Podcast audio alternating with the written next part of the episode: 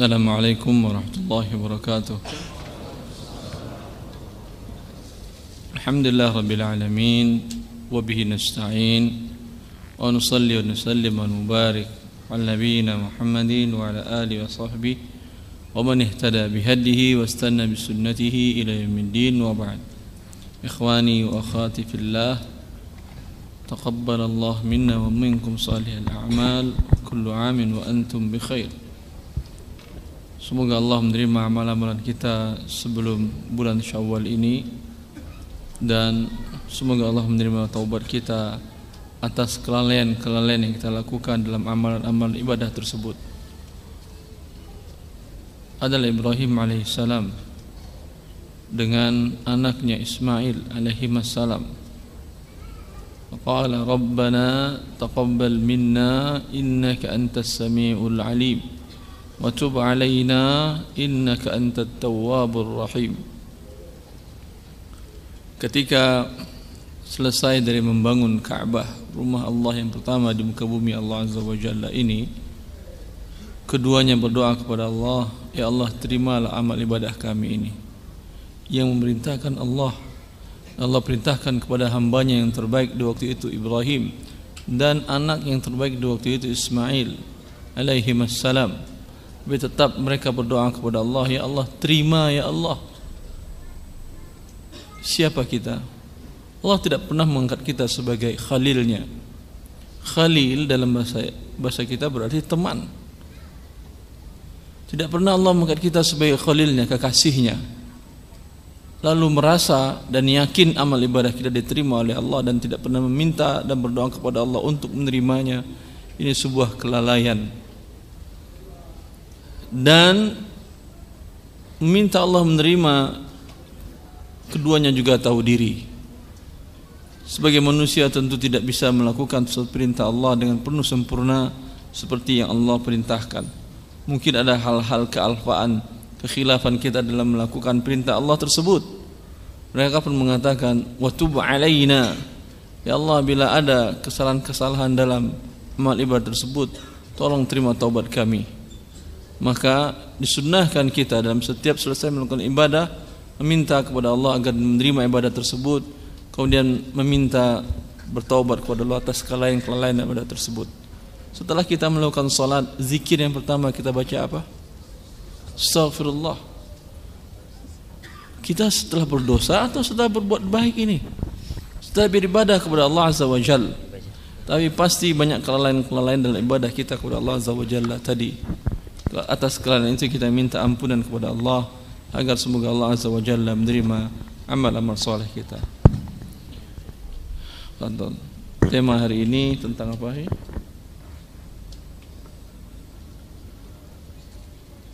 Tema hari ini tentang apa? Musik. Taib. Bismillah walhamdulillah wassalatu wassalamu ala rasulillah wa ba'd. Qala al-muallif hafizahullah ta'ala jual beli alat musik dan media rekaman musik. Zikrullah mengingat Allah merupakan tujuan utama syariat Allah. Allah berfirman, "Utlu ma uhiya ilaika minal kitabi wa aqimis salah, inna salata tanha 'anil fahsya'i wal munkar, wa la dzikrullahi akbar." Bacalah apa yang telah diwahyukan kepadamu, yaitu Alkitab, Al-Quran, dan dirikanlah salat. Sesungguhnya salat itu mencegah dari perbuatan-perbuatan keji dan mungkar. Dan sesungguhnya berzikir kepada Allah adalah lebih besar keutamaannya dari ibadah-ibadah yang lain. Surah Al-Ankabut ayat 45. Qatadah menafsirkan zikrullah adalah lebih besar sungguh berzikir kepada Allah lebih besar dan lebih afdal dari seluruh ibadah yang tidak disertai zikir. Hmm, terus. Pada awal masa Musa alaihissalam diangkat menjadi nabi saat ia berada di lembah yang suci, tua, di antara perintah Allah yang pertama kepada Musa yaitu agar ia mendirikan salat untuk berzikir kepadanya. Allah Subhanahu wa taala berfirman, "Innani anallahu la ilaha illa ana fa'budni." Wa aqimis salata li dhikri Sesungguhnya aku ini adalah Allah. Tidak ada Tuhan yang hak selain aku. Maka sembahlah aku dan dirikanlah salat untuk mengingatku. Toha ayat 14 Dan Allah pencipta manusia tahu benar hal-hal yang membahagiakan jiwa makhluknya. Allah mengabarkan dalam kitabnya bahwa berzikir kepadanya dapat menenangkan jiwa. Alladzina amanu wa tatma'innu qulubuhum bi dzikrillah Ala bidzikrillahi tatma'innul qulub. Orang-orang yang beriman dan hati mereka menjadi tentram dengan mengingat Allah. Ingatlah, hanya dengan mengingat Allah lah hati menjadi tentram. Surat Ar-Ra'd ayat 24, ayat 28. Mengingat begitu pentingnya zikrullah, maka segala hal yang memalingkan manusia dari zikrullah diharamkan. Allah menjelaskan alasan diharamkannya khamar dan judi bahwa kedua hal tersebut adalah penyebab orang berpaling dari zikrullah. Allah berfirman, "Innama yuridu syaitanu an yuqi'a bainakumul adawata wal baghdha'a fil khamri wal maisir wa yasuddakum an dzikrillahi wa 'anis salah, fahal antum muntahun." Sesungguhnya syaitan itu bermaksud hendak menimbulkan permusuhan dan kebencian di antara kamu lantaran meminum khamar dan berjudi itu dan menghalangi kamu dari mengingat Allah dan salat maka berhentilah kamu dari mengerjakan pekerjaan itu. Al-Maidah ayat 91. Dan bila tidak sampai pada tahap memalingkan, sekedar melalaikan dari berzikir, sekalipun hal tersebut tidak diharamkan, seperti harta dan anak-anak, akan tetapi Allah tetap menyatakan kerugian bagi pelakunya. Allah berfirman, uh, tolong baca footnote-nya catatan kakinya atau hamishnya. Ya. Harta dan anak-anak tidak diharamkan Allah karena tidak sampai menghalangi seorang mukmin berzikir hanya sebatas lalai. Dia tetap berzikir tetapi terkadang lalai karena disibukkan oleh harta dan anak. Berbeda dengan khamar dan judi. Bila dilakukan, sama sekali orang tidak akan berzikir kepada Allah. Kenyataan membuktikan bahwa tidak ada orang yang berzikir saat mabuk dan main judi. Akan tetapi saat mencari harta, dan mengasuh anak masih ada kesempatan untuk berzikir. Faham maksudnya ini? Terus. Allah Subhanahu wa taala berfirman, "Ya ayyuhalladzina amanu la tulhikum amwalukum wala auladukum an dzikrillah, wa man yaf'al dzalika faulaika humul khasirun."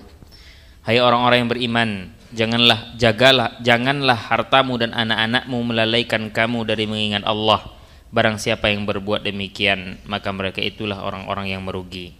Surat Al-Munafiqun ayat 9. Oleh karena itu, Islam mengharamkan alat musik. Kecuali rebana pada acara pernikahan dan genderang perang pada saat perang jihad. Karena dapat memalingkan orang untuk berzikir kepada Allah. Nabi wasallam bersabda, layakunanna min ummati aqwamun yastahilluna al-hira wal harira wal khamra wal ma'azif akan datang suatu masa di mana terdapat sekelompok umatku menghalalkan perzinahan, menghalalkan memakai kain sutra bagi laki-laki, menghalalkan meminum khamar dan menghalalkan alat-alat musik. Hadis riwayat Al-Bukhari. Hadis ini menjelaskan bahwa kelompok tersebut menghalalkan alat musik. Berarti hukum alat musik adalah haram karena itu mereka dicela, mereka menghalalkan yang haram. Juga sabda Nabi SAW, "Fi hadhil ummati khasfun wa maskhun wa qadhfun." Faqala rajulun minal muslimina ya Rasulullah, "Wa mata dhak?" Qal, "Idza dhaharatil qainatu wal ma'azifu wa syurbatil khumur." Akan terjadi bencana menimpa umatku, bumi ditenggelamkan, wajah mereka diubah bentuknya dan mereka dihujani bebatuan. Seorang laki-laki bertanya, "Kapan itu terjadi wahai Rasulullah?" Nabi menjawab, "Bila bermunculan para biduan wanita dan alat musik serta arak diminum." Hadis riwayat Tirmizi dan disahihkan oleh Syekh Al-Albani. Nabi bersabda dalam hadis yang diriwayatkan oleh Ibnu Abbas radhiyallahu anhuma, "Inna Allah harrama 'alaikumul khamra wal maisira wal kubah. Sesungguhnya Allah telah mengharamkan khamar, judi dan gendang. Hadis riwayat Abu Dawud dan disahihkan oleh Syekh Al-Albani. Hadis ini menjelaskan bahwa Allah akan menurunkan bencana manakala alat musik dan biduan wanita marak. Hal ini menunjukkan bahwa alat musik hukumnya haram karena alat musik merupakan sebab turunnya bencana dan sesuatu yang yang merupakan penyebab bencana hukumnya adalah haram. Karena Allah tidak mungkin menimpakan bencana bila alat musik hukumnya adalah mubah. Berdasarkan teks hadis di atas dan hadis-hadis lainnya, beberapa ulama menukil kesepakatan ulama Islam akan keharaman alat musik. Ibnu Qudamah berkata, Alat musik seperti rebab dan seruling sepakat para ulama merupakan alat untuk berbuat maksiat. 159 Al-Mughni jilid 9 eh, halaman 132. Ibnu Rajab berkata, tidak seorang pun ulama salaf yang membolehkan mendengar alunan alat musik kecuali generasi setelahnya yaitu dari sebagian ulama zahiri. Akan tetapi pendapat ulama zahiri tersebut tidak dianggap. Ya, dua ulama ini yang menukil ijma' para ulama mengharamkannya adalah ulama dari mazhab Hambali Nanti ada Ibn Nujaim dari mazhab Hanafi dan ada juga para ulama mazhab Syafi'i yang mengatakan bahwa musik sama haram hukumnya. Terus Ibn Nujaim berkata, Nuzhatul Asma halaman 69 pendapat zahiri tersebut diabaikan karena dia melanggar kesepakatan para ulama sebelumnya dalam kaidah usul fiqih bahwa perbedaan pendapat dalam hal yang terja yang telah terjadi ijma' para generasi sebelumnya tidaklah dianggap. Faham maksudnya ini? Bila ulama pada suatu masa ijma' suatu perbuatan hukumnya haram. Lalu datang ulama dari generasi setelahnya dia bilang enggak itu halal. Ini tidak ada khilaf. Karena ijma' belum dia lahir ijma' sudah ada. Faham antum? Paham? Sekarang kemudian ketika dia lahir dia bilang enggak boleh. Maka khilaf ini tidak dianggap karena khilaf setelah adanya ijma.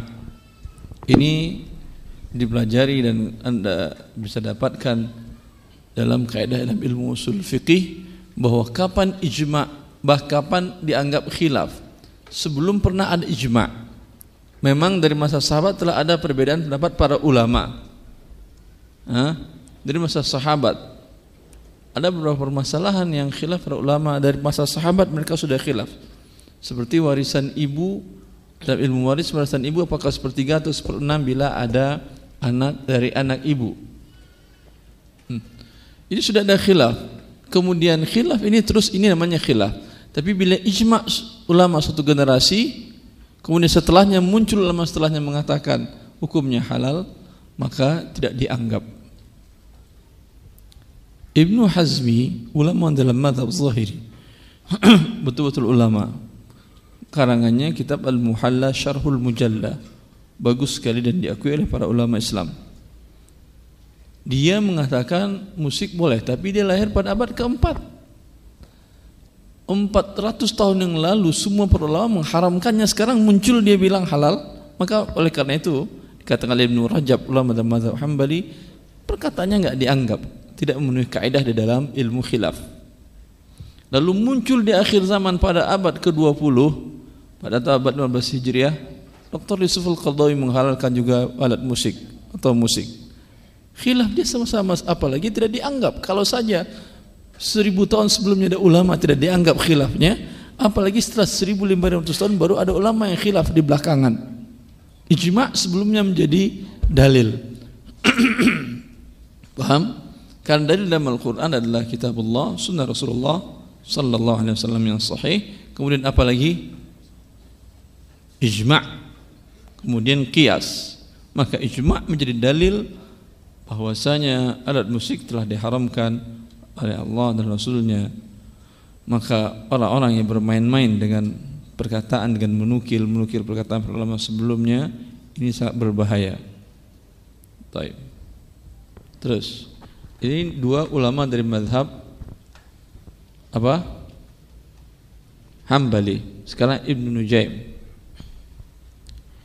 Ibnu Nujaim berkata, ijma para ulama akan keharaman nyanyian bila disertai alat musik. Ini ulama dalam mazhab Hanafi, beliau juga mengharamkan. Hmm. Terus Sekarang siapa? Satu Al-Bahrul Al-Bahrul Ra'iq Bahrul Ra'iq. jilid eh, 7 halaman 88. Ya. Dan Imam Nawawi dalam Imam Nawawi bukunya dalam mazhab apa beliau ini? Syafi'i apa Hambali Nawawi? Syafi'i. Yakin? Baik. Imam Nawawi mazhabnya Syafi'i. Da- Dalam bukunya Dan Imam Nawawi dalam bukunya Minhajut Talibin menegaskan keharaman memainkan alat musik serta mendengarkan alunan musik. Ia berkata, haram hukumnya memainkan alat musik seperti gendang seperti gendang, gitar, seruling dan juga haram mendengarkannya. memainkan dan mendengarkannya juga haram. Afwan baca footnote-nya Ustaz. Yang dimaksud dengan mendengar alat musik adalah sengaja mendengar alunan musik. Dengan demikian, bila terdengar alunan musik di tempat umum seperti di kendaraan umum, pasar, ruang pertemuan, tetapi di hatinya tidak ada niat ingin mendengarkannya, bahkan hatinya mengingkari, maka dia tidak berdosa. Dan bila mampu mencegahnya atau meninggalkan tempat tersebut, tentu pilihan ini lebih baik. Paham Lihat ini? Ahkamul Ghina halaman 94. Paham antum ini? Ah, kita lagi begini, lagi kajian muncul musik dari mana? Subhanallah, pengalaman antum. Lagi sholat, baru mulai takbir atau sedang baca Fatihah imamnya, muncul musik dari mana? Handphone. Berdosa semua orang yang sholat itu? Berdosa? Dia mendengar musik atau tidak yang sholat tadi? Berdosa dia? Kalau dia sengaja mendengar sambil geleng-geleng kepala dia, berdosa dia namanya. Paham? Ini istima' mendengarkan. Tapi kalau terdengar apa boleh buat dan hatinya mengingkari. Tapi dia dalam sholat. Setelah salam, apa yang harus kita lakukan? Pernah saya di kota Riyadh, di dekat tempat saya tinggal di Hail Isdihar, nggak jauh dari kampus waktu itu. Ketika sholat maghrib, masya Allah, keluar musik India. Ternyata yang punya uh, warga negara Bangladesh. Assalamualaikum, assalamualaikum. Langsung salah satu orang warga yang Arab asli teriak marah-marah, "Wing Jawal, mana Jawal yang bunyi tadi musiknya?" Ya karena ketakutan sudah grogi dikeluarkan handphonenya. Dia keluarkan handphonenya diambil dilempar ke dinding. Pah. Masya Allah. Tapi untung handphonenya handphone jadul. Belum ada smartphone di waktu itu tahun berapa itu tay? Tahun sekitar tahun 2015an lah. Ya. Seperti ini kita mengingkarinya. Kadang-kadang juga boleh kayak gitu sepertinya. Tapi masalahnya punya orang Anda hancurkan wajib diganti atau tidak? Kan musik. Kalau alat musik yang dia seruling yang dia bunyikan waktu itu dipatahkan tidak wajib diganti. Karena dia tidak menilai, memiliki nilai dalam syariat Allah nanti kita jelaskan. Tapi sekarang dia handphone apa alat musik? Tapi kenapa muncul musik? Baik. Jelas antum itu? Wallahu alam. Setelah itu diganti sama orang India itu dengan suara kodok. Sekarang dia kodok boleh masjid kodok? Terus Khatib Syarbaini mengomentari perkataan Khatib siapa? Syarbaini. Syarbini. Siapa Khatib Syarbini ya, akhi? Syarbini. Orang mana? Orang Indonesia atau orang mana dia?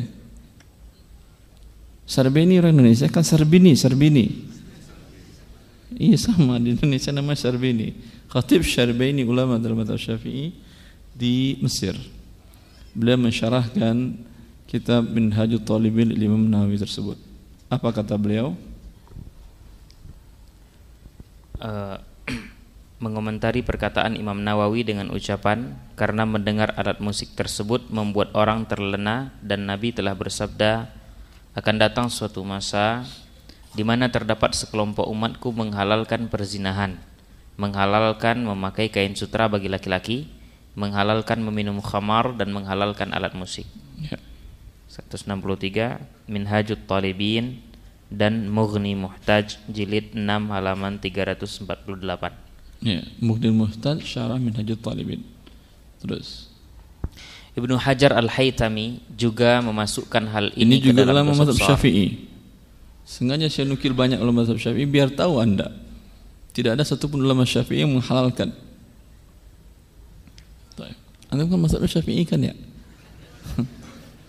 Terus. Ia berkata setelah menyebutkan hadis tentang alat musik.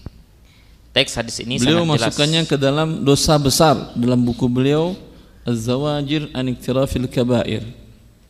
Peringatan agar orang menghindari untuk melakukan dosa-dosa besar. Berarti dosa yang beliau masukkan dalam bukunya itu bukan dosa sembarangan. Hah? Termasuk dosa yang beliau masukkan di sana itu adalah musik, mendengar musik, memainkan alat musik. Terus apa kata beliau? Teks hadis eh, teks hadis ini sangat jelas mengharamkan alat musik yang melenakan. Rafi'i dan Nawawi menukil ijma' yang Ya, mengharamkan. Rafi'i tahu antum? Siapa? Ulama Syafi'i, bukan tetangganya antum. Pak Rafi'i ya. Kan pada dua ulama ini tokoh dalam mazhab Syafi'i. Sama seperti Ibnu Qudamah dalam mazhab Hambali. Ya, artinya pakar dalam mazhab Syafi'i, luar besar dalam mazhab Imam Syafi'i.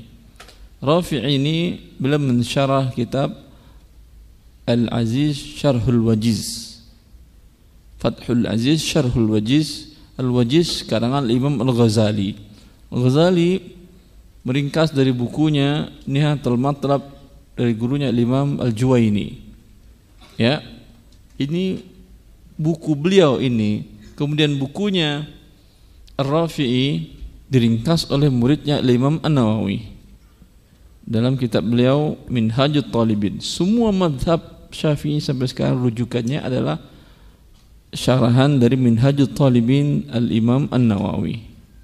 Jelas antum itu kedudukannya bukan sembarang ulama madhab Syafi'i yang mengatakan ini. Hah? Baik. terus. Ijma' yang mengharamkan seruling, irak dan alat musik yang menggunakan dawai. dawai tahu kan? Apa? Senar. Ah masya Allah. Senar. Senar itu apa? Tali atau kawat? Seperti itulah ya. Yang kalau di digetarkan keluar suara bunyi.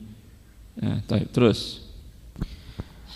Dan sangat mengherankan sikap Ibnu Hazmi yang membolehkan ini alat masih musik. perkataan beliau.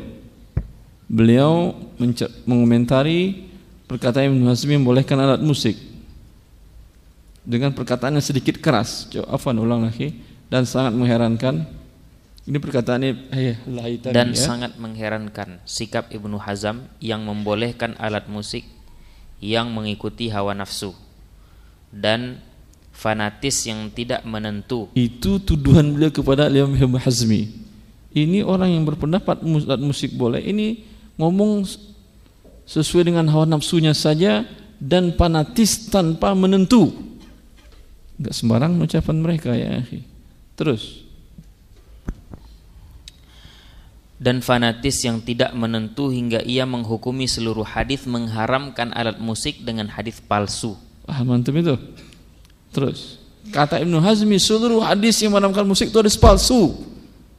Al-Haytami ngomong ini orang seperti nggak sehat, ngomong seperti hawa nafsunya saja, tidak ilmiah. Hah? Terus Pendapat pribadi beliau merupakan dusta yang nyata dan tidak boleh diikuti Itu siapa pun. pendapat dia dusta kata. Terus Al-Qurtubi berkata, tidak boleh diikuti kata ya, beliau. Hah. tidak boleh diikuti. Ini tidak yang dinamakan dengan zallatul ulama. Ketergelinciran ulama. Ini berbahaya ini. Karena biasanya ada orang suka memilih ah, apa kalau petani angkat beras pa- padi gitu jatuh jatuh jatuh. Ada orang yang suka memilih yang jatuh-jatuh ini dikumpulin oleh dia dijual nanti. Ada orang memilih sakatatul ulama. Ke- kesalahan para ulama dikumpulin satu-satu satu-satu oleh dia sehingga jadi satu buku. Bukunya jadi buku apa? Buku syaitan musik halal riba halal karena ada riba ulama yang menghalalkan kata dia Hah? di zaman yang mana dia nggak tahu Baik. Jelas antum itu. Terus. Al-Qurtubi berkata, seruling alat musik Al-Qurtubi mazhab Maliki. Yang Qurtubi yang punya tafsir Al-Qurtubi beliau dalam mazhab Maliki. Tapi ini masih perkataan dia dinukil oleh Al-Haytami ulama mazhab Syafi'i. Terus. Seruling alat musik yang menggunakan dawai dan gendang tidak ada perbedaan pendapat para ulama tentang keharamannya. Ya. Dan saya tidak pernah mendengar pendapat seorang pun ulama yang muktabar dari ulama salaf dan khalaf yang membolehkannya. Ya, berarti Ibnu Hazmi menurut beliau tidak muktabar pendapatnya. Tidak dianggap. Terus. Al-Zawajir jilid 2 halaman 337. Ya. Setelah mengetahui bahwa alat musik haram dan mendengar musik juga haram, maka haram menjual alat musik serta berbagai media rekaman alat musik seperti kaset, CD, DVD dan lain-lainnya yang berisi musik. Ah, handphone bagaimana? Gimana handphone, Syekh? Mengisi ringtone musik ke sana sama hukumnya haram. Anda bayarnya haram. Kalau Anda yang punya apa gerainya, Anda ini gerai haram ini, gerai jual musik. Paham? Tapi kalau handphone Anda beli bisa minta, "Pak, saya pesan handphone yang tanpa alat musik, bunyi musik." Bisa? Beli dulu baru minta dihapus atau hapus bisa, tapi di awal tidak bisa kan? Hah? Yang nilai musik tadi masuk nggak ke dalam harga beli handphone? Hah? Enggak. Mau pakai musik, mau nggak pakai musik, harganya beda atau sama? Nggak ada yang tidak ada musik. Ada yang nggak ada musik, cuman kring kring kring, tong tong tong, terus suara kodok. Ada seperti itu? Ada? Ada? Tidak ada ya akhi. Itu ada yang lainnya banyak lagi yang musik. Adalah musik apa namanya? jazz, ada segala macam segala macam ada di sana. Boleh beli handphone seperti itu? Kalau pesan kalau anda orang kaya bisa, tapi kalau anda orang miskin nggak mungkin dibuatkan mereka khusus buat anda seperti itu. Tapi kalau anda kaya, buatkan saya handphone nggak ada ininya, nggak ada ininya, nggak ada ininya, bisa ya tetap. Terus.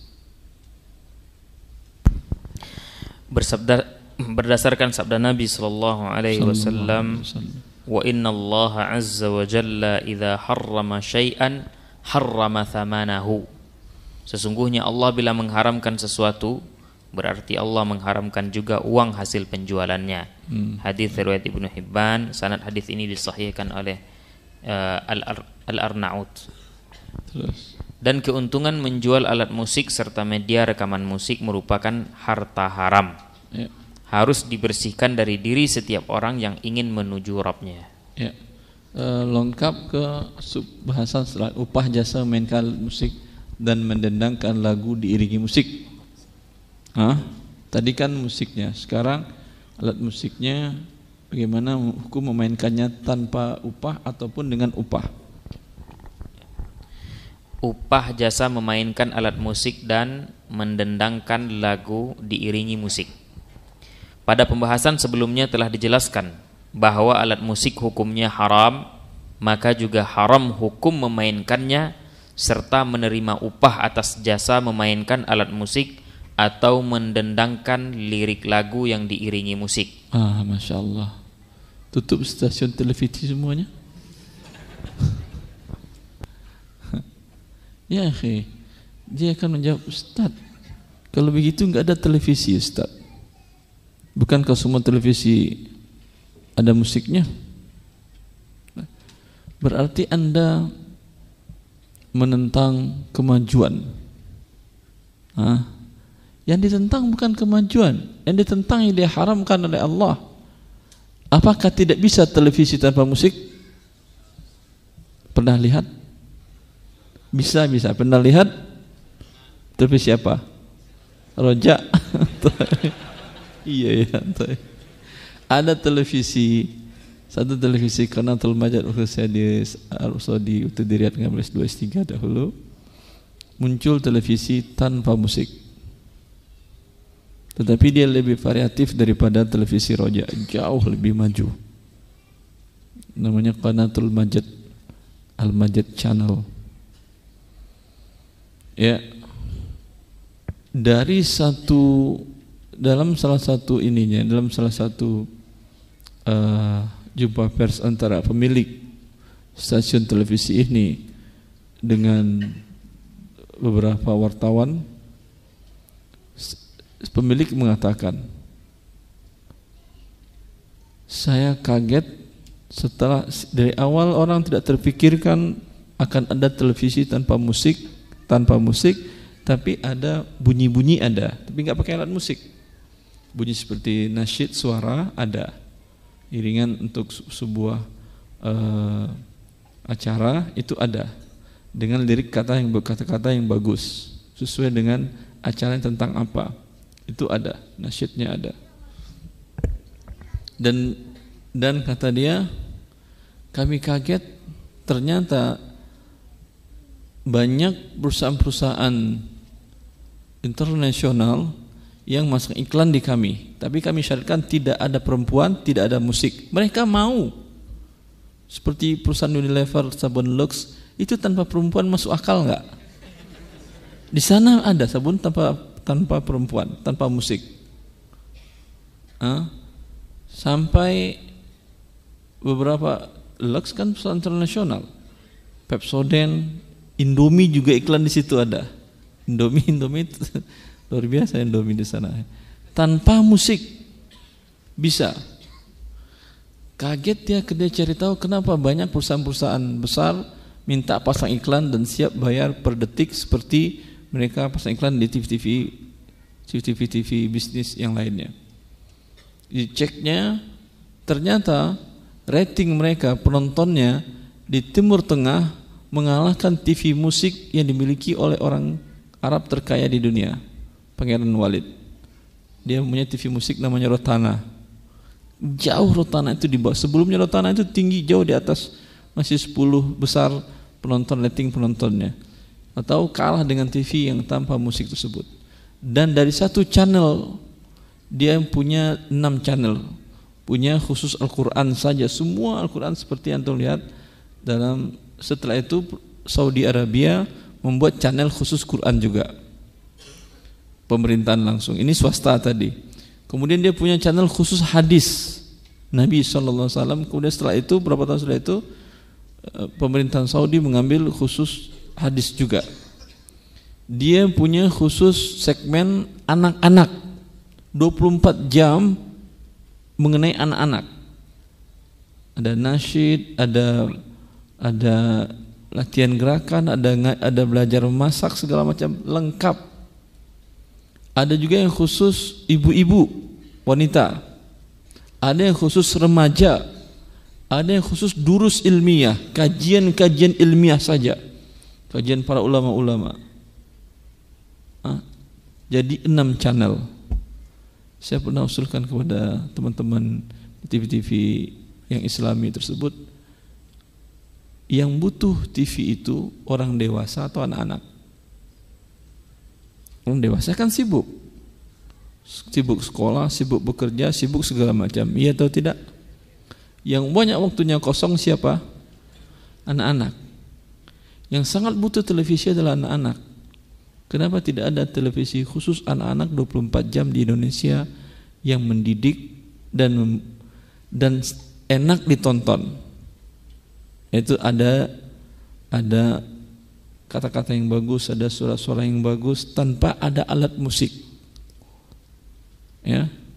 Antum mau beli kalau ada itu mau langganan? Mau langganan atau tidak? Yang punya anak mau, yang bilang tidak mau berarti belum nikah dia. Nikah dulu Anda baru langganan.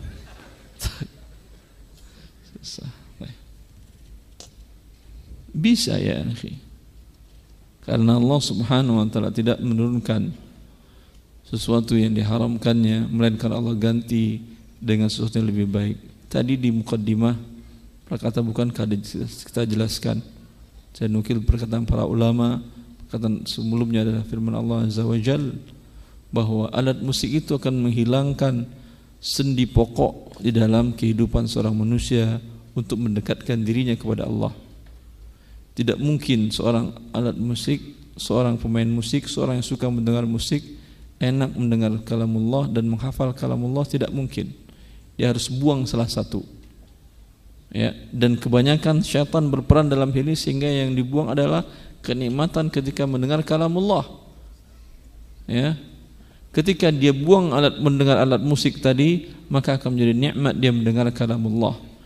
Dan dari awal, dari awal, wa minan nasi man yashtari lahu al-hadith liyudilla an sabilillah. Allah Subhanahu wa taala mengatakan, sebagian manusia ada yang membeli lahwal hadis, perkataan-perkataan mainan untuk menyesatkan manusia. Ayat ini turun ketika Rasulullah SAW membacakan firman Allah langsung masuk firman Allah itu ke relung hati orang yang mendengarnya maka para pemuka tokoh yang pembangkang terhadap ajaran Nabi Muhammad sallallahu alaihi wasallam dimasuki kebenaran mereka bertobat kepada Allah azza wajal ya maka para tokoh Quraisy mengatakan bagaimana cara kita untuk menghadapi serangan pemurtadan dari Muhammad ini. Maka di antara mereka mengatakan, ya udah, karena yang dikeluarkannya kata-kata indah dan bagus, kita cari kata-kata indah dan bagus penyaingnya. Mereka beli biduan-biduan wanita dari negeri Syam, sekalian lengkap dengan pelatanan musiknya, di mana Rasulullah SAW membacakan Al-Quran, di sana mereka melantunkan musik. Paham itu? Mereka konser, di mana Nabi ini konser dari ke mana Nabi ikut konsernya dibayar itu. Itu memang dari awal sejarah seperti itu. Paham? Maka bila anda telah mengetahui dan mengharamkan diri anda untuk mendengarnya, ya, Semoga Allah memberikan kenikmatan kita ketika mendengarkan kalam Allah. Cukup ya atau kita lanjutkan? Panitia? Lima menit lagi. Terus. Dan harta yang dihasilkan dari profesi ini termasuk harta haram karena imbalan atas perbuatan yang haram. Al-Minhaji, ulama madhab syafi'i, wafat pada tahun 880 Hijriah berkata, menyewakan alat musik serta memainkannya seperti gendang, seruling, rebab dan sejenisnya haram memberikan upah imbalannya dan juga haram mengambil upahnya. Karena transaksi ini termasuk memakan harta orang lain dengan cara yang batil. Begitu juga tidak boleh memberikan imbalan jasa kepada para penyanyi. Eh, hati-hati Anda ngasih uang ke pengamen. Hah? Dia penyanyi itu bukan itu? Eh, kena anda dosanya. Eh, ini ulama mazhab Syafi'i pada abad 9 Hijriah sudah mengatakan haram itu.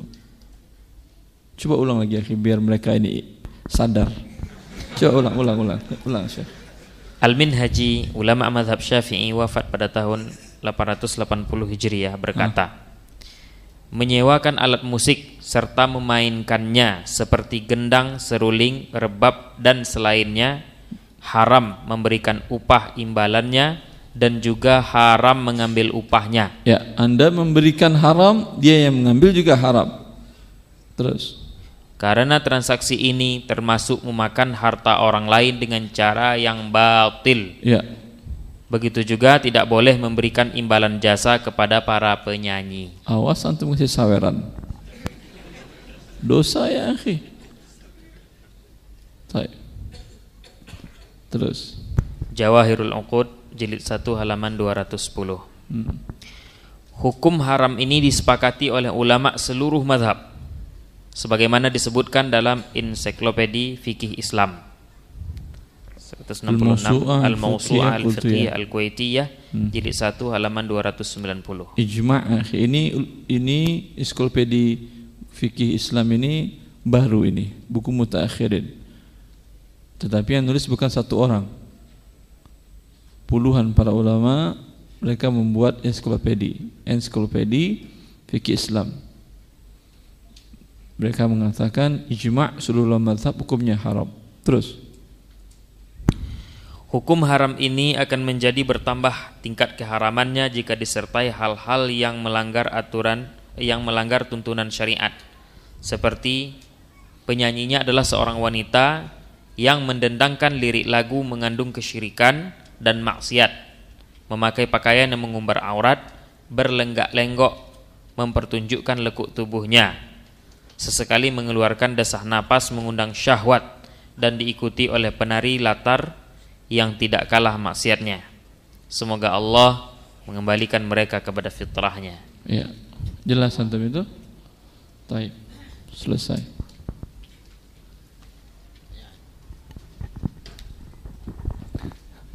Kita masuk ke sesi tanya jawab Ustaz.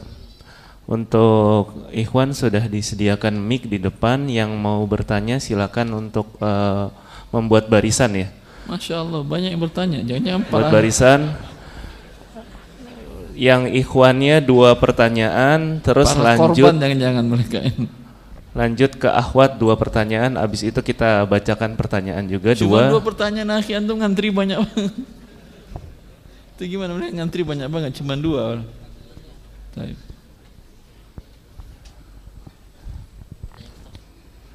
Kita bacakan dulu aja ya pertanyaan ini. Terserah antum. Assalamualaikum warahmatullahi wabarakatuh Salam terkata. Ana mau bertanya Ana seorang editor biasanya untuk opening video menggunakan instrumen hukumnya haram eh, hukumnya haram tersebut mohon penjelasannya Ustaz Baik. Instrumen tersebut ada suara bernada kan ya? Suara bernada ini muncul dari mana? Dari alat musikkah atau dari mana munculnya? Biasanya dari apa ada software juga Ustaz Iya, software itu dibuat dari suara alat musik atau suara apa munculnya ini? Atau suara jin? dari alat musik Ustaz Alat musik sama, sudah. Selesai, sudah antum jawab berarti. Bila dari suara alat musik haram. Tapi bila dari suara manusia atau suara air atau suara tiupan angin, masya Allah. Asal jangan suara tsunami aja menakutkan. Assalamualaikum warahmatullahi wabarakatuh. Salam terkatu. Alhamdulillahirrabbilalamin. Ustaz, saya bekerja di sebuah perusahaan swasta. Ya. Saya bagian ini elektrikal ya. Bagian apa? Elektrikal. Elektrikal. Ha. Jadi perusahaan kita itu punya belnya Ustaz. Punya apa? Bel kerja, masuk, istirahat, masuk lagi terus pulang. Jadi Setiap- saya dapat tanggung setiap- jawab ininya. Setiap bel keluar suara musik. Ya. Terus Anda yang membuat bel ini. Saya baru bekerja setahun Ustaz. ya. Saya meneruskan yang lama jadi kalau rusak saya yang perbaiki. Anda perbaiki suara musiknya jadi bagus. Ya. Ya, akhi, harusnya suara belnya Anda ganti dengan dengan suara Masya Allah, Masya Allah, Masya Allah. Anda ganti dengan musik lebih bagus, dosanya pindah ke Anda sekarang. Oh, Paham Anda? paham Ustaz. Tapi kalau anak buah saya yang perbaiki Ustaz, Atas perintah Anda atau tidak? soalnya tanggung jawab saya gitu. Ustaz. Iya, atas perintah Anda dia memperbaiki atau tidak? Ya. Hah? Apa bedanya Anda? Suruh anak buah Anda coba robah jadi suara yang bagus. Hah? Seperti yang tadi saya usulkan. Satu lagi boleh Ustaz? Enggak tahu panitia boleh? Syukron Ustaz. Jazakallah khair.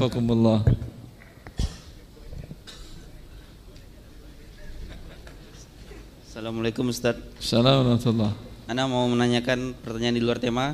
Enggak apa-apa Ustaz. Silahkan. Begini Ustaz, bagaimana cara menggunakan akad salam kalau kita ingin uh, melakukan dropship? Jazakallah khair Ustaz. Allah barik fiik. Akad di buku harta haram saya bahas rinci ini.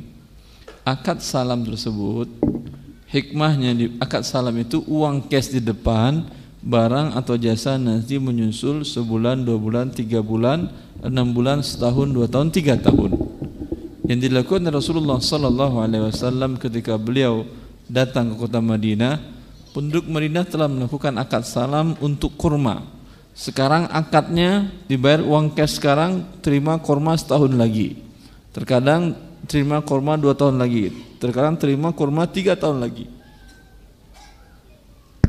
Ini konsekuensinya dibolehkan berdasarkan sabda Rasulullah sallallahu alaihi wasallam tetapi hikmahnya ada kalaulah tidak dibolehkan Rasulullah dia masuk dalam kategori menjual barang yang belum dimiliki ya atau tidak tetapi dikecualikan oleh Rasulullah wasallam dengan hadis beliau tadi Man aslafa fi syai'in falyuslif fi kailin ma'lumin wa waznin ma'lumin ila ajalin ma'lum.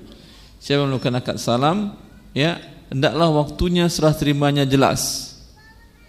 Kemudian kadar ukuran objek yang diperjualbelikan jelas. Beratnya juga jelas. Tetapi hikmah ini dibolehkan adalah agar adanya permodalan bagi si pihak si pedagang. Dibayar dengan uang sekarang, terima enam bulan lagi atau setahun lagi, harga sama atau lebih murah? Lebih murah. Hah? Sama, pasti lebih murah. Karena selama itu uang terserah dia. Mau diputarnya dalam bisnis apa, yang lain lebih cepat keuntungannya terserah dia. Kewajibannya hanya menyerahkan barang yang disepakati dari awal. Jelas? Ya. Tetapi yang ada di dalam dropship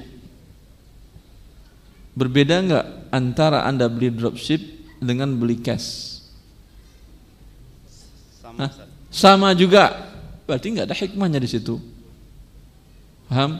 Oleh karena itu sebagian para ulama dan ini madhab Hanabilah mereka mensyaratkan untuk sahnya akad salam tersebut ayyakuna lahu waq'un fi thaman antara waktu penyerahan uang dengan penyerahan barang jaraknya menyebabkan harga berbeda kalau serahkan uang hari ini besok barang diterima atau dua hari lagi harga sudah berbeda atau masih tetap sama pasti sama tapi kalau serahkan uang cash sekarang terima setahun lagi harga lebih murah atau sama? Pasti lebih murah. Maka itu hikmahnya. Kalau tidak ada hikmahnya kembali dia ke dalam larangan hadis yang umum. Wallahu taala a'lam. Jazakallah khair Ustaz. Allah barik fiik. Kita bacakan pertanyaan lagi Ustaz.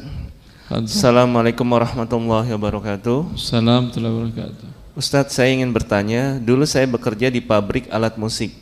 Tetapi Ya. sekarang saya sudah resign. Bagaimana uang pesangon yang saya terima apakah halal atau haram? Jazakallah khairan fiik. Ya. Dia bekerja membuat alat musik. Ya. Andai dia pun tidak diberi gaji, sudah berdosa atau tidak? Berdosa. Karena membuat alat musik. Sekarang atas perbuatan dosa tersebut dapat imbalan uang. Halal atau haram uangnya? Pasti haram. Karena andai pun gratis sudah berdosa dia. Sekarang untuk dosa tadi dapat uang lagi. Enak banget jadi orang. Bikin dosa dapat uang. Baik. Maka uangnya adalah uang yang haram. Nah, ketika dia bertobat, semua uang pensiunan, uang segala macam yang dia terima setelah itu, setelah dia bertobat, tidak ada yang halal satupun, kecuali kecuali pada saat dia di pisah uang itu semuanya dari dia, dia tidak punya rumah lagi, tidak punya kendaraan lagi, tidak ada tabungan, masih bisa hidup dia. Wallah taala alam. Mungkin bisa, mungkin tidak. Rumah sudah tidak punya. Ah, kendaraan tidak ada. Dari rodanya satu sampai empat tidak ada dia punya. Ah, kemudian uang tabungan buat sisa hidup untuk besok sudah tidak ada lagi. Hanya sisa makan hari ini yang ada. Hah? Masih bisa hidup dia besok? Mungkin bisa, mungkin tidak. Saya nggak tahu.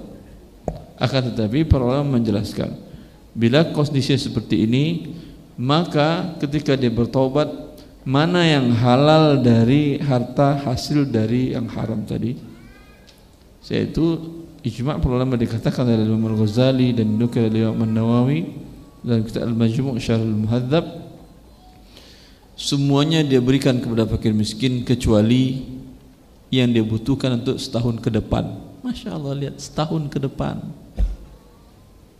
Ya, andai rumah tadi.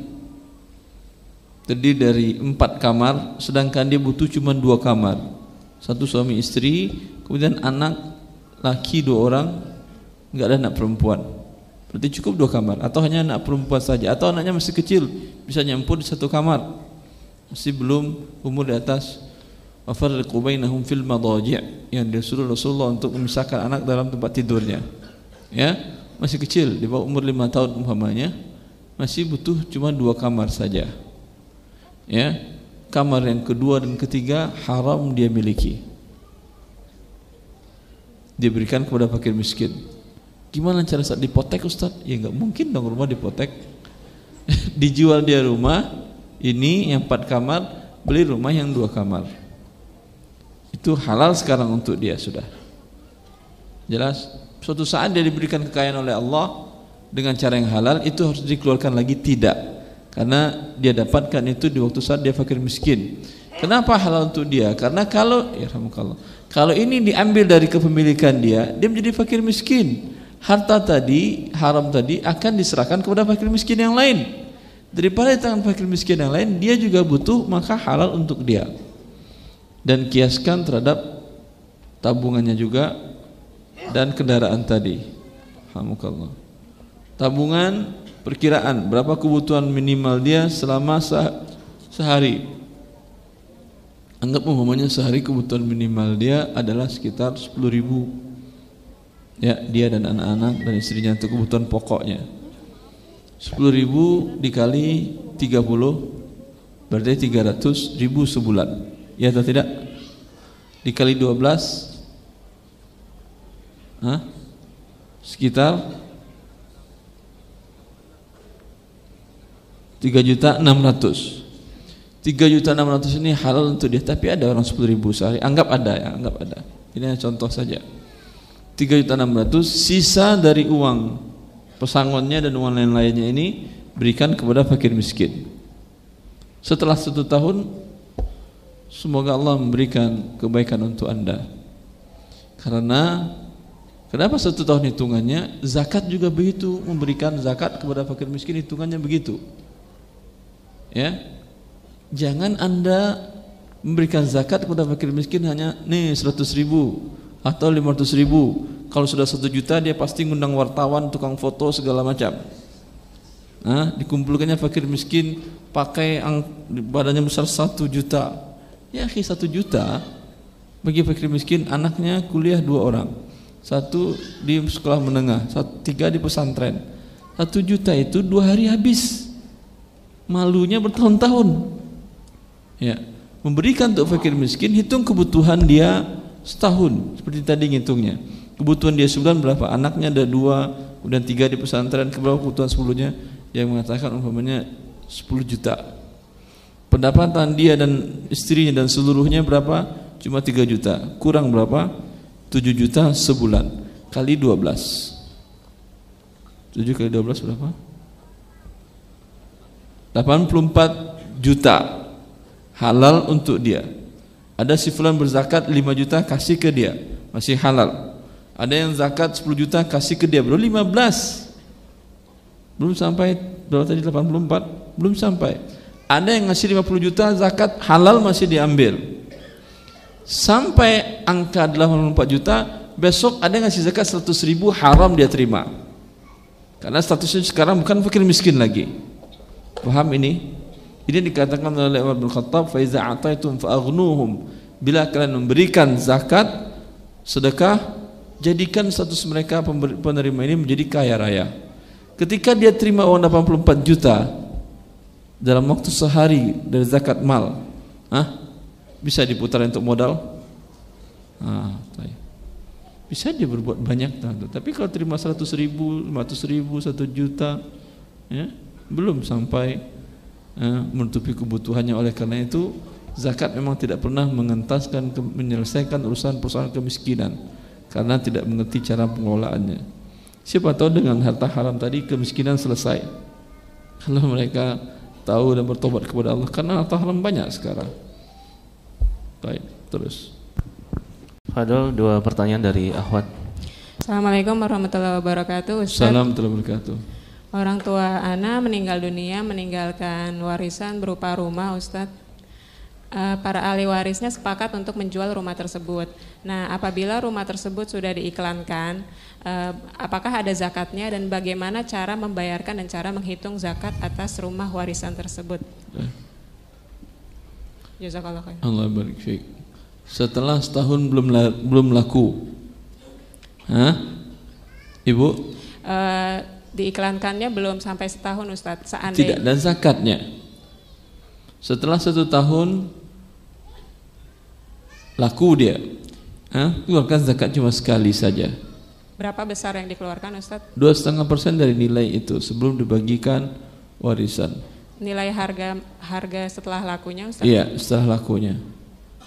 Setelah laku? Potong dua setengah persen. Oh. Kalau belum satu tahun laku tidak ada zakatnya. Kalau misalnya baru laku. Jadi uang diterima oleh masing-masing dihitung haulnya dengan uang dia yang lain. Uh, Pertanyaan kedua apa tadi? Afwan Ustadz, uh, apabila lebih Ini dari ketiga sekarang pertanyaan. Kata uh, keempat. Afwan Ustadz, Anda belum paham cara membayarnya Ustadz apabila tidak laku bertahun-tahun apakah harus dibayarkan zakatnya setiap tahun sedangkan si ahli waris tidak mempunyai uang untuk membayarkan zakatnya apakah bisa Iya nanti nanti ketika dia jadi uang bayarkan dari uang tersebut satu kali saja dibayarkan cukup sekali saja oh ya syukron jazakallah khair Allah barik yang kedua tadi apa tidak ada pertanyaan yang kedua tadi kedua cara membayarkannya Ustaz. Cara membayarkannya. Udah tadi kan, Tay. Terus. Assalamualaikum warahmatullahi wabarakatuh. Assalamualaikum warahmatullahi wabarakatuh. Uh, saya ingin menanyakan bagaimana hukumnya dengan yel-yel yang gunanya biasanya kalau sekolah itu untuk Apa? menyemangati siswa yang uh, berkegiatan di luar. Nggak dan ulangi ulangi kenapa? Uh, saya ingin menanyakan apa hukumnya yel-yel Yel-yel itu apa? Sorak-sorak. Iya, sorak-sorak. Uh, itu gunanya untuk menyemangati ketika kita berkegiatan di luar. Uh, ketika kita berkegiatan di luar. Uh, itu apa hukumnya? Kemudian uh, yel-yel tersebut kalau dengan uh, tepuk tangan apakah itu boleh Ustadz? Jazakallahu khairan. Tasfik diharamkan bagi laki-laki umat Islam tasfik hanya untuk perempuan dalam sholat tapi bukan bertepuk dua tangan satu tangan ke anggota tubuh yang lain adapun yang tersebut dalam seperti Rasulullah SAW bukan yel-yel yang dia katakan. Ada ada senandung dalam umpamanya orang-orang badu orang-orang badui yang mereka ada untuk mengusir kesepian dan kejenuhan beliau ucapkan senandung-senandung yang liriknya bagus. Tanpa alat musik. Kalau dengan seruling di atas kerbau sama aja haramnya. Walaupun tujuannya di atas kerbau juga ya tapi kalau lirik yang bagus boleh.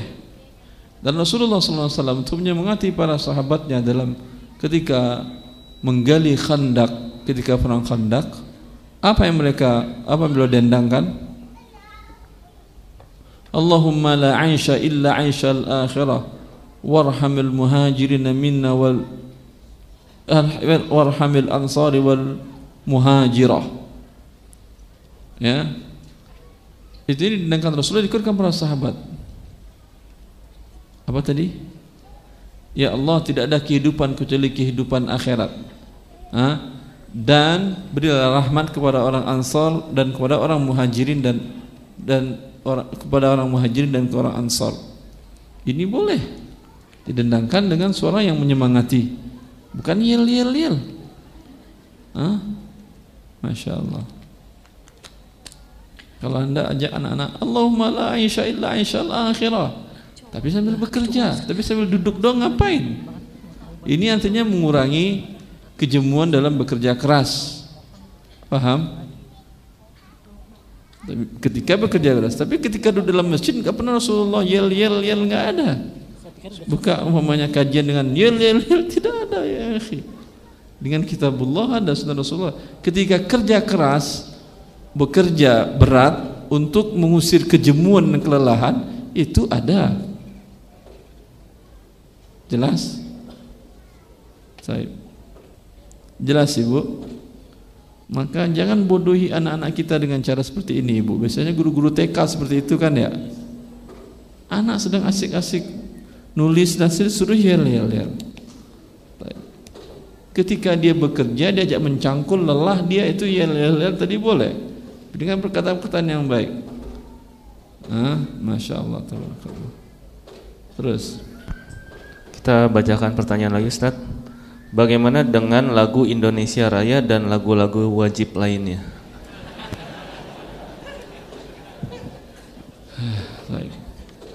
Pakai alat musik atau tidak? Dalam lagu Indonesia tadi dan lagu-lagu warga dalam kebangsaan negara yang lain, ya Bila diiringi musik tidak ada bedanya dengan yang musik. Bila tanpa musik, lihat lirik lagunya. Ada yang mengundang kesyirikan atau tidak? Bila ada yang mengandung kesyirikan, maka jangan dibacakan. Jelas? Sama juga. Anda menjadi pemain alat musik di acara tersebut. Sama dosanya.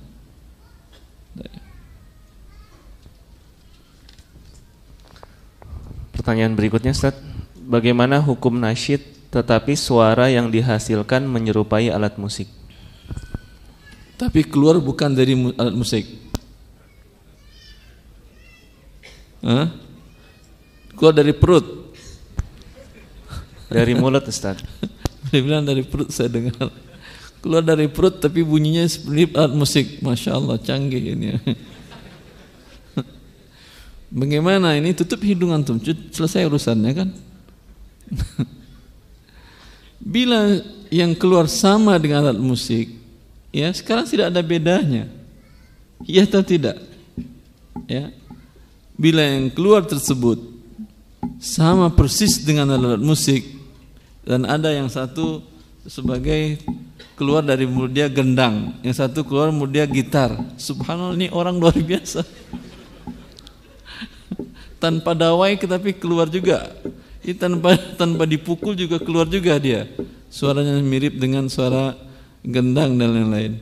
Bila sama, ya tujuan dia haramkannya karena itu, bukan hanya sekedar alat musiknya saja. Wadah ya, akhi. Tapi bila suaranya tidak ada mengandung alat musik, tapi mengandung mengandung mengundang mengandung nada, ya tidak ada masalah. Bila perkataannya adalah ucapan-ucapan yang baik. Fadil Allahumma la isha illa aisha al-akhirah warhamil muhajirin min walhamil ansar min al-muhajirah. Ucapan Rasulullah sallallahu alaihi wasallam dan pun tidak setiap saat. Pagi juga begitu, siang juga begitu. Ini pada saat jemu atau saat kalau enggak kalau Anda ingin juga seperti ingin menenangkan juga silakan menggembala, boleh mengembala kambing, sapi, kerbau, silahkan anda di situ nasyid, boleh. Ya, karena ini saat-saat yang jemu. Tapi tentu akan lebih bagus kalau anda merojah hafalan Quran. Tapi masa hafalan Quran terus Ustaz ya, taib sesekali nggak ada masalah. Tapi bila ini dari awal sampai akhir hidup anda dari bangun tidur sudah pakai nasyid, siang pakai nasyid, malam pakai nasyid, Hah? Ini dia akan mengambil space dari waktu anda mendengarkan kitab Allah Azza wa Jal. Terus. Assalamualaikum Ustaz. Assalamualaikum Semoga Ustaz selalu dalam lindungan Allah Subhanahu wa taala. Allah barik fiik, ahbakallah. Saya mau nanya Ustaz. Saya punya ratusan kaset dan CD, gitar dan ukulele. Setelah saya tahu Apalagi ukulele? mainan gitar kecil, Tat, buat anak kecil. Ah. Gitar kecil. Apa Setelah- namanya itu? Ukulele gitu. Ukulele. Sama gitar. Gitar kecil. Tat. Pecel lele. Kuku, kukulele. kukulele, Tat. Gitar anak kecil. Ukulele. Iya, kukulele nyebutnya sih gitu. Terus? Ah, setelah tahu saya jual di media online itu uangnya haram, itu solusinya gimana Tat? Saya harus buang dengan cara dimusnahkan atau saya simpan di loteng saja Ustadz? Buat sarang tikus. ya, niat anda baik untuk tikus biar punya rumah yang cakep juga. Iya. Dia tidak memiliki nilai harta ya akhi. Ketika anda hancurkan, anda patahkan, tidak tidak bermasalah dalam syariat Islam. Tapi sesuatu yang berguna umpamanya, pena ini, ah, anda patahkan, dosa hukumnya termasuk itu mal. Tapi untuk benda-benda alat musik tadi, ketika dipatahkan dan dihancurkan, ya anda tidak berdosa bahkan dapat pahala dari Allah Azza wa Jal. Jelas? Lah Ustadz. Harus dihancurkan. Kalau di atap di atas nanti anak-anak suatu saat ketika besar ditemukan warisan orang tuanya. Oh. Saya ingin membahagiakan arwah orang tua saya dengan mewarisi ilmu ini. Hah? Berarti gitar itu saya terjadi? harus hancurin Tat ya? Ah, hancurin, hancurin. Hancurin ya? Nah, Oke. Cukup. Cukup Tat. Syukron Allah. Ustadz. Assalamualaikum warahmatullahi Salam wabarakatuh. Assalamualaikum warahmatullahi wabarakatuh. Salam wabarakatuh. Ustadz, eh, ada saudara saya, dia kerja di bank BUMN. Eh, di di awal kontrak Bank dia apa kerja? eh, ya Ustadz, Dia kerja di mana? bank BUMN. BUMN. Ha. Di awal dia masuk, dia ada assign ikatan dinas lima tahun, nggak boleh resign. Ya. Kalau resign sebelum ikatan dinas selesai, dia denda 200 juta. Ya. Eh, tapi sekarang alhamdulillah dia udah dapat ilmu dan dia mau resign tapi eh, masih bingung di dendanya itu. Sedangkan sisa ikatan dinas 7 bulan lagi. Apa Ustadz yang harus dia lakukan? Saya. Kalau dia tidak bayar dendanya, Eh, ijazahnya ditahan oleh bank BUMN tersebut. baik. kalau dia ditahan bagaimana? Ya mungkin untuk ke depannya cari kerja mungkin agak susah. atau Jadi karyawan ya susah, tapi jadi pemilik perusahaan susah? Oh enggak. Enggak Ustadz. Enggak kan ya? Ah, taib. Berarti ini kesempatan agar dia tidak menjadi karyawan. Iya Ustadz. Ah. Kesempatan agar dia mencari usaha yang langsung jadi pemilik usaha. Walaupun usahanya itu kecil-kecilan jual gorengan nggak ada masalah. Tapi dia pemilik. Tidak perlu ijazah kan? Tapi tukang masak yang lamar minta ijazahnya. Eh, jika misalnya dia Coba ada kita tanyakan orang terkait di Indonesia. Ada ijazah dia? ada yang nggak ada Ustadz. Umumnya nggak ada. Coba tanyakan. Ijazah SD-nya tanyakan. Punya dia apa tidak? Iya Ustadz. Karena itu dia jadi pengusaha besar. Yang punya ijazah S3 seperti saya, ya nggak akan besar-besar usahanya. Karena andalannya ijazah. Iya Ustadz. Paham itu? Maka hikmah nikmati hikmah ini dengan tidak berandalkan ijazah lagi. Sekarang dia menjadi seorang ah, pedagang tangguh. Bila dia hanya masih ada ijazah, maka tergantung seluruh hidupnya dikit-dikit ijazah, dikit-dikit ijazah. Paham itu? ada salah seorang konglomerat di Saudi Arabia saya tahu dari kisah pribadi beliau diceritakan salah seorang syekh di sana. Orang kaya ini dia menguasai trading besar-besaran di Arab Saudi untuk trading barang-barang penting dari luar negeri. Dia tidak tamat SD karena memang di Arab Saudi tidak ada SD. Di sana ada madrasah ibtidaiyah. ya. Tidak tamat tidak makan sekolahan, orang biasa. Tapi, Tapi untuk mengangkat pegawai orang kepercayaannya, dia punya satu trik kata Syekh yang menceritakan ini. Punya satu cara bagaimana menguji orang ini layak atau tidak menjadi orang kepercayaan dia. Silakan daftar gaji sudah sediakan dengan gaji yang tertinggi oleh dia untuk pekerjaan yang sama di mana pun juga perusahaan yang lain gaji dia jauh lebih tinggi. Bagaimana dia cara tesnya? Enggak ada tes psikologi, enggak ada tes apa TPA, enggak ada, enggak ada semua tes itu enggak ada. dapat datang air wheel bill satu kontainer barang datang dari Amerika atau dari Jepang atau dari mana. Dia bilang ini urus. Kalau barang itu sampai di depan saya kamu lulus. Tidak satu pun tanda tangan saya berikan dan surat-surat saya tidak berikan. Terserah bagaimana caranya. Ah, cakep atau tidak? Tanpa ijazah, orang punya ijazah belum tentu bisa ngurus ini. Tapi dia dahulu kata dia, saya berusaha dengan cara seperti itu dulu. Tanpa ijazah saya memulai usaha trading saya. Tapi keahlian, kepintaran dan cara bernegosiasi tadi yang luar biasa. Bukan dengan sogok juga, tidak mesti ada sogok ya akhi. Kalau itu ujung-ujungnya sogok tuh kalau gitu enggak. Taib. Jelas. Terus, uh, Ustaz, gaji Bagi dia yang... tidak perlu ijazah kata dia gaji yang telah dia kumpul selama ini misalnya udah ada 120 juta itu mau dia kasih ke fakir miskin atau dia nikmati? Apa kasusnya ini? Yang yang gaji dari bank riba tadi? Iya kalau dikasih fakir miskin seluruhnya masih bisa hidup masih ada uang dia yang lain yang halal? Mungkin dia sisakan sekian bulan gitu Ustaz. ah ya sisakan untuk kebutuhan setahun ke depan kebutuhan minimal dia sisanya berikan kepada fakir miskin Jelas. Jika ada uang untuk bayar penalti 200 juta, dibayar atau gimana Ustaz? Jangan bayar, enak aja bang dapat uang. ya. Kan tadi masalah ijazah. Iya Ustaz. Terus saya katakan apa fungsi ijazah? Kata antum untuk hidup ke depannya Ustaz. Hidup ke depan untuk jadi orang kaya raya, jangan pakai ijazah. Kalau pakai ijazah nggak bakal kaya raya Anda. Seperti ya. orang yang mengandalkan ijazah-ijazah ini kan nggak kaya raya ini. Coba tanya yang tak pakai ijazah, itu kaya raya, yakin saya. Ya. Paham itu? Syukur Ustaz, jazakallah khairan. Wassalamualaikum warahmatullahi wabarakatuh. Saya kenal salah seorang teman, betul saya bisa katakan kaya raya. Perusahaannya di Jakarta, dia tinggal di ujung Pulau Jawa, di Lombok. Kerjanya hanya belajar mengaji, kemudian olahraga berkuda dan lain-lain yang dia sukai. Ya. Dia cerita sukses dia, Alhamdulillah saya sukses Ustaz karena saya DO dari ITB. Bagus. Kalau saya selesai S1 di ITB di waktu itu mungkin saya seperti yang lainnya, karyawan. Tapi karena dengan DO dia menjadi ulet dalam usaha dan punya perusahaan-perusahaan berapa perusahaan. Perusahaan besar dalam accounting milik dia. Patennya untuk lisensinya untuk Indonesia dia yang punya. Jelasan itu. Jangan pernah takut dengan masalah bila Anda bertakwa kepada Allah Azza wa Jalla. Terus. Assalamualaikum Ustaz. Assalamualaikum Ustaz, anak-anak itu lebih cepat menangkap untuk menghafal doa dengan cara nyanyian. Dan dengan ibu cara berupa nyanyian kalau menghafal doa. musik? Bukan, maksudnya ah. dinyanyikan aja gitu tanpa musik.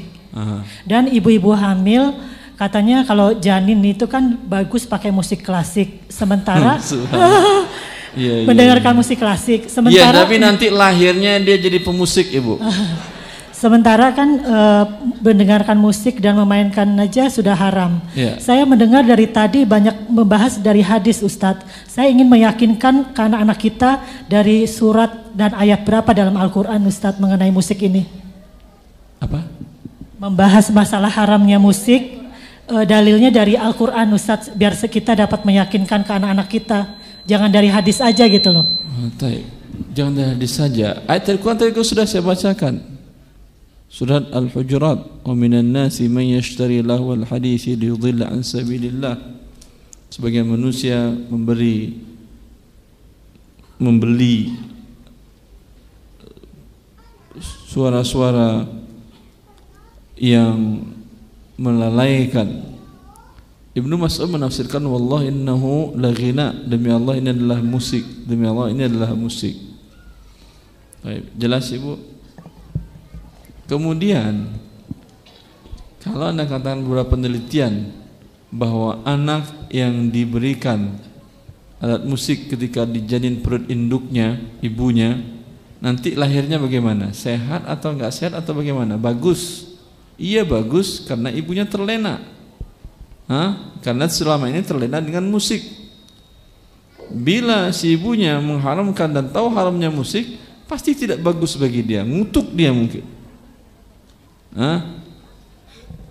beda dengan kebiasaan orang-orang di sebagian negara Arab. Orang-orang Mesir biasanya anak-anak sebelum masuk SD itu sudah hafal Quran. Dari beberapa penelitian, kenapa tradisi itu sangat mendarah daging di orang-orang Mesir? Ternyata umumnya orang Mesir ibu-ibunya itu sudah hafal Quran dengan cara begitu juga.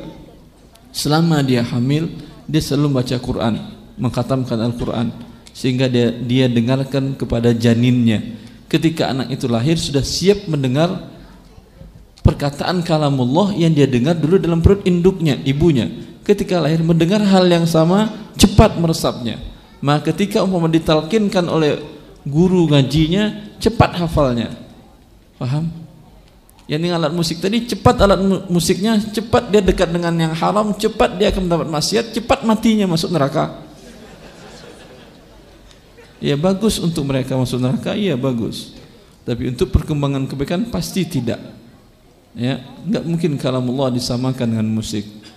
Kemudian juga ada ada penelitian bahwa musik bagus untuk di rumah sakit orang sakit ya taib. Ya, cobalah kasih musik apa yang kuntang-kuntang kencang itu rock itu kasih di, di rumah sakit orang sedang operasi langsung mati dia ya, Enggak ada musiknya tertentu Ustaz, musiknya jazz, musik alunan gini, alunan gini. Baik. Tidak mungkin kalau Allah bisa dikalahkan dengan itu. Ada salah satu rumah sakit saya anjurkan dan saya nasihatkan mereka agar ganti dengan alunan kalamullah. Ya. Pasti lebih cepat kesembuhannya.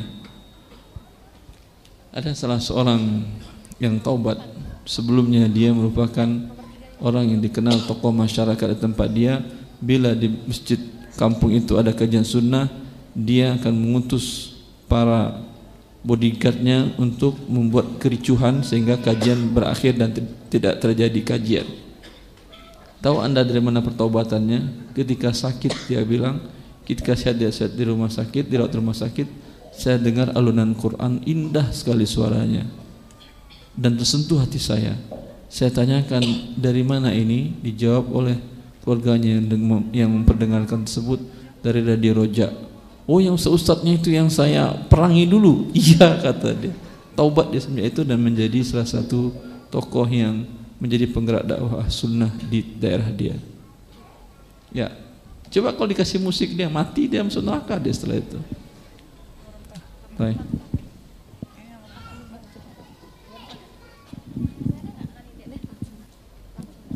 Assalamualaikum warahmatullahi wabarakatuh. Assalamualaikum warahmatullahi wabarakatuh. Ustadz mau nanya, apakah beatbox termasuk haram juga? Apa? Beatbox. Apa itu? Apa ya? Beatbox itu yang musik yang dikeluarkan dari mulut Ustaz. Oh, Bukan dari perut tadi. Tapi yang keluar suaranya sama dengan musik. Iya, sama. Sama dengan mirip. musik. Kan sudah saya jelaskan tadi. Kalau ini dari alat, ya ini dari perut dan mulut orang. Ya, baik. Terus uh, melanjutin pertanyaan yang tadi kan anak kecil emang lebih men cepat menghafal itu dari lagu. Uh, maksudnya yang kayak dilaguin. Bukan dari lagu. Dilagukan. Dia ada maksudnya. nadanya. Iya. Tapi Al-Quran yang dia dengarkan. Uh -uh. Hah? Iya. Terus Anda kalau mendengar kalamullah yang dibaca oleh para para qari Syekh Sudes, Syekh dan para qari yang lain ada enggak nadanya itu? Ada atau tidak? Itu bukan lagu. Nagam namanya, ada suaranya. Ya. Terus bagaimana e, cara mengubah metodenya tuh biar anak-anak kecil tuh tetap cepat menghafal gitu Ustaz? Apa yang dihafalnya? Saya tanyakan dulu. Nah, Ibu? misalkan kayak abjad gitu, ABC gitu gitu. Saya nggak pernah hafal abjad setahu saya. Bisa juga saya dokter. saya yakin nggak pernah hafal. Coba abjad yang kelima apa sih? Q kali. Sa E. E. Mungkin kali ya. Allah alam. Tidak ada syarat sah untuk menjadi manusia, menjadi makhluk Allah hafal abjad. Jelas Ibu? Iya. Tapi hafal soal Fatihah iya. Enggak sah salat Anda kalau tidak itu. Maka kalau Anda bantu anak-anak itu untuk menghafal Al-Fatihah dengan alunan nada yang nikmat, panjang pendeknya pas, makhrajnya bagus, ini bagus sekali. Jelas? Iya jelas. Baik, Jazakallah khair. Kita bacakan pertanyaan lagi Ustaz. Saat dulu aktif di band dapat royalti Ya, Pak. dari label perusahaan musik. Coba ulangi ulangi apa? Saat dulu aktif di band band, Band. musik band Musik, alat. dapat royalti dari label perusahaan musik untuk dibelikan alat musik. Enggak paham saya. Dapat royalti Jadi dari dari perusahaan rekamannya itu Ustadz dapat Hmm. uang untuk dibelikan alat musik. uang ini harus beli alat musik kata dia. Ya. Ah, terus. Tapi Kalau anda nggak mau beli alat musik, kan dikasihnya uang. Setelah itu anda beli nasi, nggak boleh. Nggak boleh. Harus beli alat musik. ya. Karena memang diberikan uangnya untuk untuk beli alat musik Ustadz. Ya, jangan turuti perintah dia. Nah, ini lanjut pertanyaan Ustadz. Ya lanjut. Tapi band tersebut sudah bubar. Lalu alat musik yang dulu dibeli itu dijual. Ah. Ketika akan dibagikan ke tiga personil band yang tidak bisa dihubungi itu, apakah ia tetap harus mengganti uang tersebut kepada tiga personil yang sudah bubar itu, Ustaz? Ini milik bertiga orang berarti. Mereka beli dulu. Hah? Sekarang dia alat musik dijual, uangnya tidak halal. Karena hasil penjualan alat musik. Lalu uangnya berikan kepada fakir miskin. Ya. Bagi tiga-tiga tidak halal uang kecuali mereka juga status fakir miskin, ambil uang ini buat mereka. Jelas? Baik. Pertanyaan berikutnya, Ustaz. Assalamualaikum warahmatullahi wabarakatuh. Salam wabarakatuh. Saya mau bertanya, bagaimana kalau saya sekarang bekerja dan sudah menjadi karyawan tetap di perusahaan pembuat alat musik? Apa yang harus saya lakukan dan bagaimana hukumnya? Ya. Yang Anda lakukan mencari ridho Allah Subhanahu wa taala, fafirru ilallah. Allah mengatakan berlarilah kalian kepada Allah. Berlari kepada Allah tinggalkan yang haram tadi. Cara berlarinya ah, ajukan surat berhenti dari situ. Dan dari hasil penghasilannya gimana Ustaz? Sudah kita jelaskan tadi, ketika dia bertobat, kebutuhan setahun dia yang darurat, bila tidak mempunyai harta lain yang haram, yang halal, maka dia tahan, sisanya berikan kepada fakir miskin. Kalau memiliki yang halal, baik umpamanya istrinya ada gaji yang halal, atau ada orang tuanya selama ini membantu kehidupannya dengan yang halal, atau ada adiknya atau adik iparnya yang beli yang halal, ya satu sen pun tidak halal dari uang yang didapatkan bekerja di tempat yang haram itu. Fadal ya. Assalamualaikum warahmatullahi wabarakatuh. Assalamualaikum warahmatullahi wabarakatuh. Eh, ini eh, pertanyaan lanjutan kemarin Ustadz. Jadi Yang kemarin kapan? yang saya sempat datengin Ustadz itu soal software eh, software bajakan. Jadi Software bajakan. Iya, jadi intinya Bulan lalu.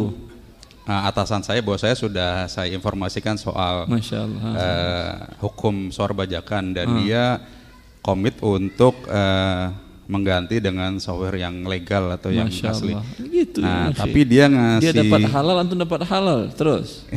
Tapi dia ngasih spare waktunya tuh semi minggu depan kita akan baru berubah jadi Ya. uh, apa uh, Yang software halal. yang legal. Kalau anda mati besok gitu. Nah itu dia. Ah, gaji gaji saya sebagai pegawainya untuk menunggu masa transaksi itu apakah Bilang ke dia, minggu depan juga saya mulai kerja lagi. Paham antum? Gampang urusannya dunia ya, akhi. Yang susah itu adalah ketika mati belum sempat bertobat itu susah urusannya. jadi untuk uh, masa transisi gaji saya itu tetap tidak bisa digunakan sampai Tidak, duduk aja duduk di kantor dan kerja. Sampai minggu depan saya baru mulai kerja. Oke baik. Terima kasih. Jazakallahu khair Ustaz. Assalamualaikum warahmatullahi Ah. wabarakatuh. Assalamualaikum. Ya, karena secepatnya untuk keluar dari dosa itu tidak perlu menunggu-nunggu waktu. Minggu depan sebulan depan siapa yang menjamin? Ya. Tapi sudah ada niat dan dimulai. Ternyata untuk itu belum bisa bertahan apa boleh buat? Umpamanya dia tahu bahwa KPR tersebut adalah riba. Dan dia ingin menutupi sisa hutangnya. Tidak ada cara kecuali dengan menjual aset yang dibeli tadi dengan pinjaman KPR tadi. Dia sudah iklankan beberapa lama belum ada yang beli. Ya, ini bagian dari sisa Allah atas dosa yang dia lakukan. Allah lambatkan dia untuk menyelesaikan urusan dosanya dengan Allah Azza wa Jalla. Tapi teruslah karena Anda Anda mati dalam waktu tersebut mati sebagai seorang yang telah bertobat. Tapi tunda-tunda nantilah saya iklankan, nanti dulu kalau sudah punya rumah atau sudah dapat kontrakan baru saya iklankan. Ya, ini belum selesai pertobatannya. Tapi kalau sudah dia iklankan tadi, mati sebelum itu selesai, ma'ruf kisah orang yang bertobat membunuh 100 orang, dan bentuk dari pertobatannya dianjurkan oleh orang yang alim tersebut agar dia berpindah kota. Ya. Kemudian di tengah jalan beliau meninggal. Sebagian riwayat mengatakan bahwa dia meninggal ternyata lebih dekat ke kota maksiat daripada kota tempat dia bertaubat. Lalu ribut antara malaikat yang ingin menariknya ke neraka dan menarik ke surga. Maka Allah lipat dunia sehingga dia lebih dekat kepada kota yang tempat tujuan pertaubatannya. Gara-gara dia dunia Allah lipat, subhanallah. Luar biasa dari pertaubatan tersebut ya akhi. Jelas? Semoga Allah Subhanahu wa taala memuliakan kita dan membahagiakan kita dengan selalu bertobat kepadanya. Baik. Pertanyaan dari Ahwat, Fadil. Assalamualaikum Ustaz Assalamualaikum Saya mau bertanya Bagaimanakah kalau kita punya hobi Menyanyikan lagu-lagu sendirian di rumah Atau di kamar mandi atau ulang-ulang ibu ulang ibu. Bagaimana kalau kita punya hobi menyanyikan punya apa? Hobi? menyanyikan lagu-lagu sendirian di rumah tanpa musik. Atau uh, di kamar mandi atau kita mendengarkan lirik lagu di kamar mandi. Menyanyikan lagu di kamar mandi. Uh, di kamar atau mandi. Menyan, menyenandungkan asmaul husna untuk anak kita. Di kamar mandi juga? Enggak Kalau mau tidur atau lagi gimana? Uh, Allah musta'an. Ya. Pada saat sendiri dia ingin temannya datang menemani dia dengan memanggilnya dengan suara-suara yang mendendangkan lirik lagu yang bila itu mengandung unsur kesyirikan datang teman syaitannya dan teman syaitannya ini sukanya di mana di mana tempat mereka kamar mandi kamar mandi karena ketika masuk tempat itu Anda berlindung kepada Allah dari mereka. Walaupun kamar mandi milik Anda, Anda yang bangun, tapi mereka penguasa di situ. Sehingga ketika Anda masuk berlindung kepada Allah dari tindakan kejahatan yang akan mereka lakukan kepada Anda di situ. Ini Anda merasa senang dan nyaman ketika masuk ke tempat teman. Ini suatu hal menunjukkan bahwa musik tersebut hukumnya haram karena enaknya didengar di kamar mandi di tempat syaitan. Jelas Ibu? Ya. Mandi-mandi aja jangan. mandi buru-buru tempat syaitan biasanya orang berdendang itu kan menunjukkan jiwanya gimana gitu kan begitu kan ya? Ya. Dia menjadi tenang dan senang ketika bertemu teman-temannya itu. Ya, yang seharusnya kalau dia berbaca doa masuk kamar mandi berlindung kepada Allah dari khubuthul khaba'ith. Syaitan laki dan perempuan bakal nggak mandi nggak lama-lama dia di situ. Karena nggak nyaman tempat syaitan ini. Hanya coba anda lihat ya di kehidupan dan kehidupan orang-orang kafir. Kalau anda masuk hotel bintang 5 yang paling bersih itu mana? Kamar mandi. yang paling cantik itu apa?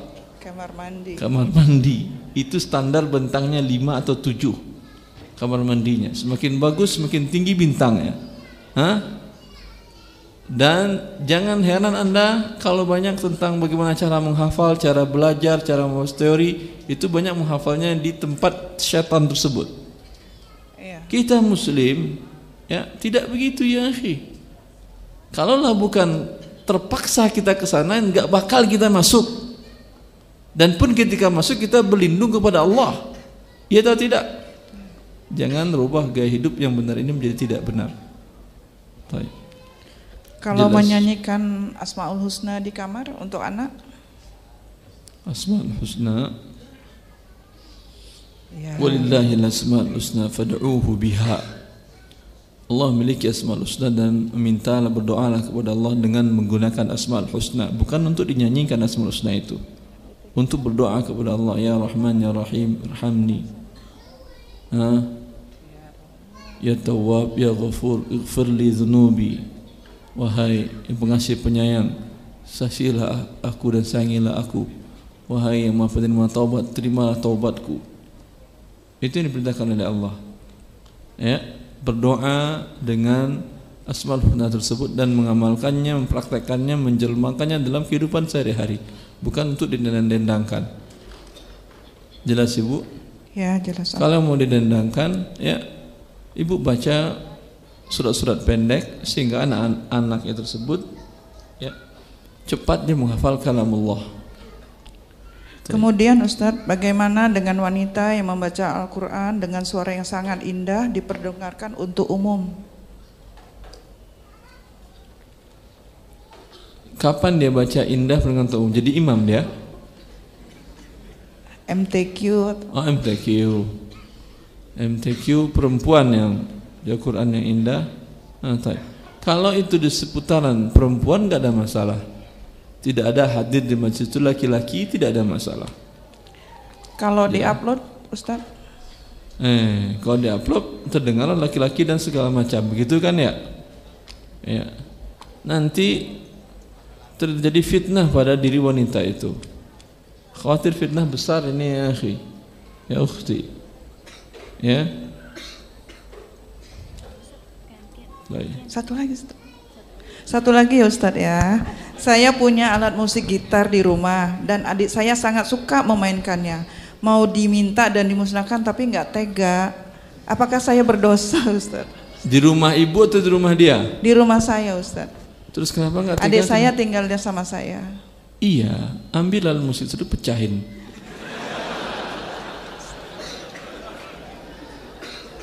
Ini demi kebaikan adik dan kebaikan anda. Terkadang dalam hidup kita mesti bersikap mengorbankan harta tadi untuk kebaikan kedua-duanya. Ya. Karena ketika dia diharamkan oleh Allah, dia tidak memiliki nilai. Pecahin saja. Paham? Jazakallah khair. Allah barik fiik. Ya. Assalamualaikum warahmatullahi wabarakatuh. Salam betul ini urutannya panitia. Satu lagi silahkan ibu. Ustadz, bagaimana cara menghitung zakat untuk rumah yang dikontrakan? Ibu mengontrakan rumah? Ya. rumah ini milik ibu atau suami? Milik suami. Udah biar suami yang bertanya. Suaminya nggak datang Ustadz. Hah? Suami, nanti, nanti ibu sampaikan suaminya mau bayar apa tidak?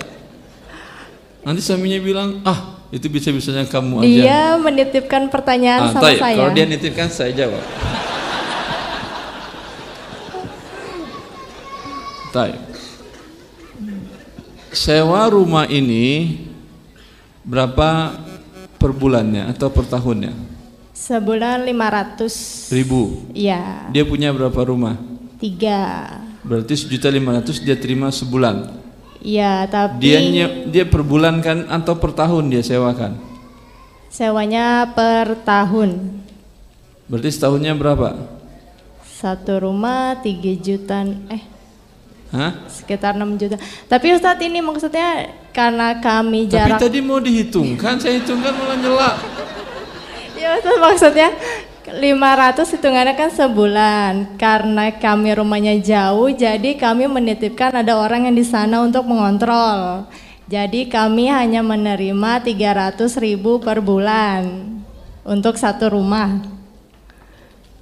Tiga rumah berapa berarti? 900 per bulan. sebulan. Setahun berapa? Hmm? 10 juta 800. Ada uang tabungan yang lain suami? Ada. Berapa? Kami tak dihitung. Ada sekitar di atas 10. 10 tambah tadi 10 kan ya? Ya. Baru 20. Hmm. Terus nggak punya lagi suami uang yang lain? Perniagaan punya? Uh, enggak, dia karyawan biasa. Karyawan biasa saja, hidup dari gaji ya. dan kontrak uang mengontrakkan rumah tadi. Iya.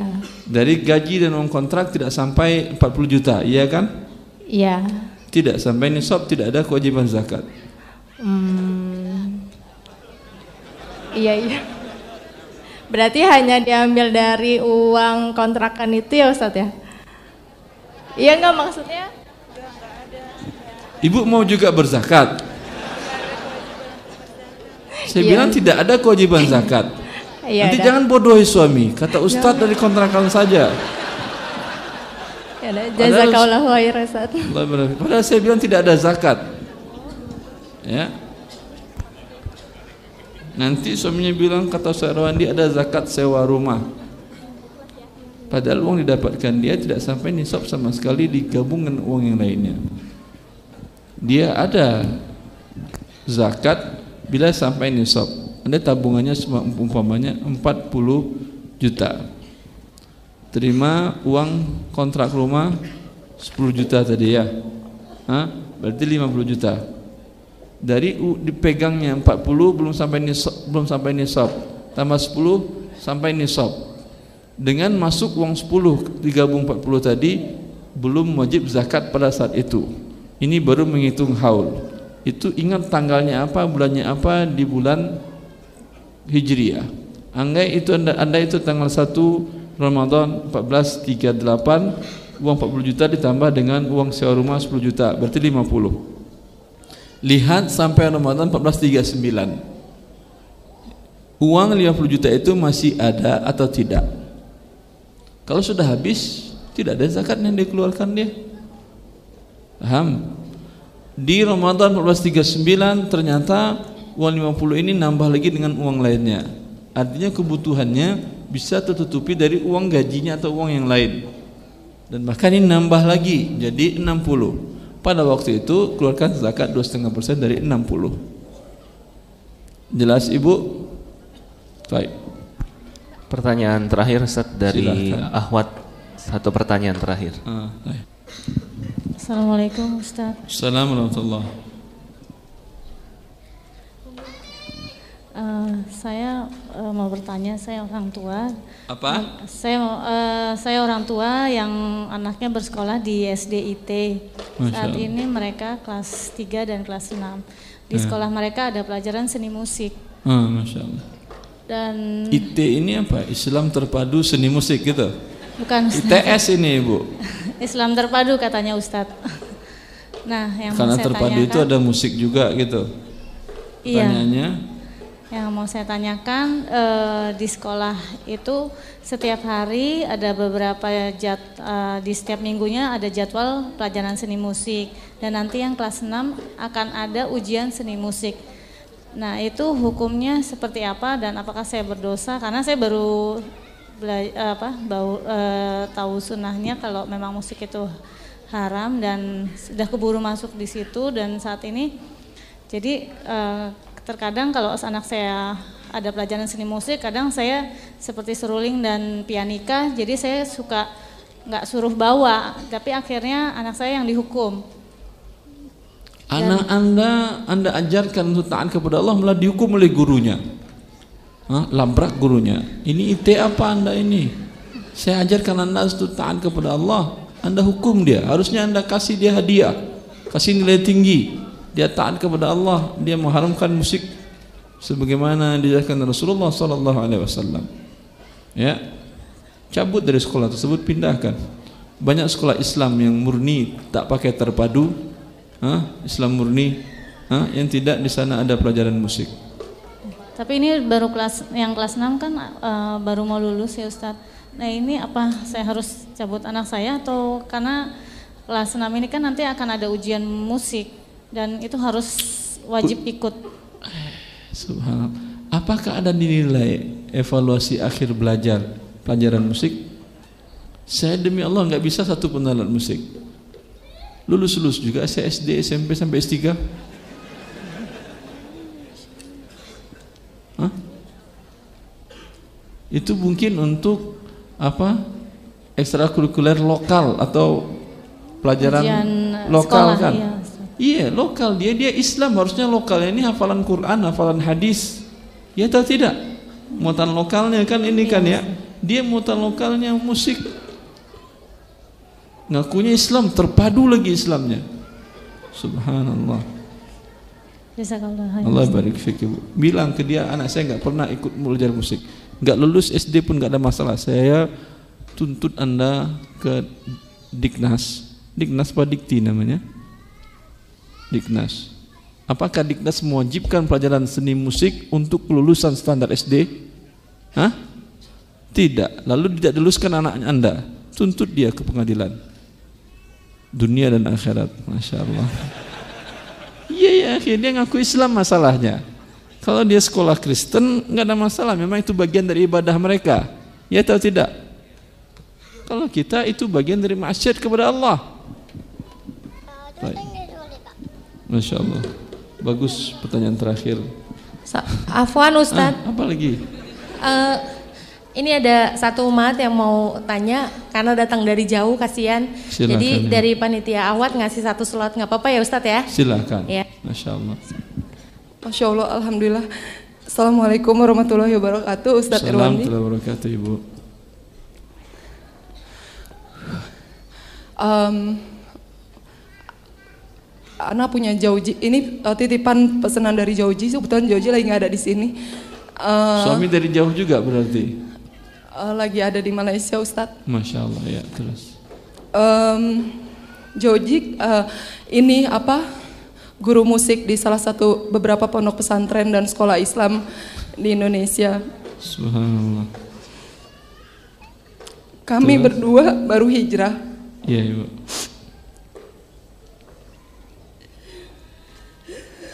Kami berdua tahu musik haram. Kebetulan Ana juga dulu kerja di perusahaan alat musik sampai hampir kurang lebih 15 tahun Ustadz. Sampai apa 15 tahun? Ana sebelumnya kerja di perusahaan alat musik sampai 15 ta- kurang lebih 15 tahun dan Iya. Ana keluar dari situ kami secara secara eh, berusaha untuk samina watona kami udah jalankan walaupun masih pelan-pelan Iya. Tapi kami punya hutang riba Utang riba. Ana dan Zoji sedang ikhtiar Dan apa? Ikhtiar. untuk selesai hutang riba tapi Jauji eh, dari hasil pekerjaan yang sebagai guru musik itu menurut Ustadz ada cara nggak Ustadz anak sudah coba berusaha kami sudah coba berusaha jual tapi belum eh, tapi belum eh, over kredit itu susah Ustadz kami coba pinjam juga sama saudara atau beberapa kawan tapi memang sulit kami mau jual aset kami, aset kami di rumah itu sedang er, kami rencana mau hancurkan karena aset yang kami punya itu kebanyakan alat-alat musik karena memang kami berdua bergelut di dunia musik sebelumnya. Ada ide Ustadz, saya bingung. Jazakallah khairan. Allah Ibu. Ibu bahwasanya semuanya Allah yang mengatur langit dan bumi ini. Maka pintalah kepada Allah, jangan minta kepada manusia. Bertawakallah kepada Allah, jangan serahkan urusan kita kepada manusia. Serahkan kepada Allah. Mudah Allah menaklukkan manusia-manusia dan siapa pun juga untuk membantu anda orang-orang yang dicintai oleh Allah Subhanahu wa taala. Dan Allah bila mencintai suatu kaum, Allah berikan ujian kepada mereka. Dan terlambatnya turun pertolongan Allah ini bagian dari ujian pertobatan anda kepada Allah dan suami. Apakah anda betul-betul istiqomah bertobat kepada Allah atau tidak?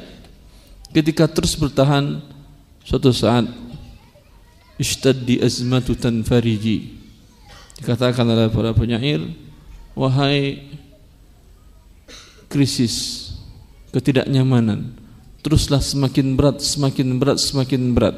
Setelah itu pasti akan selesai krisis tersebut.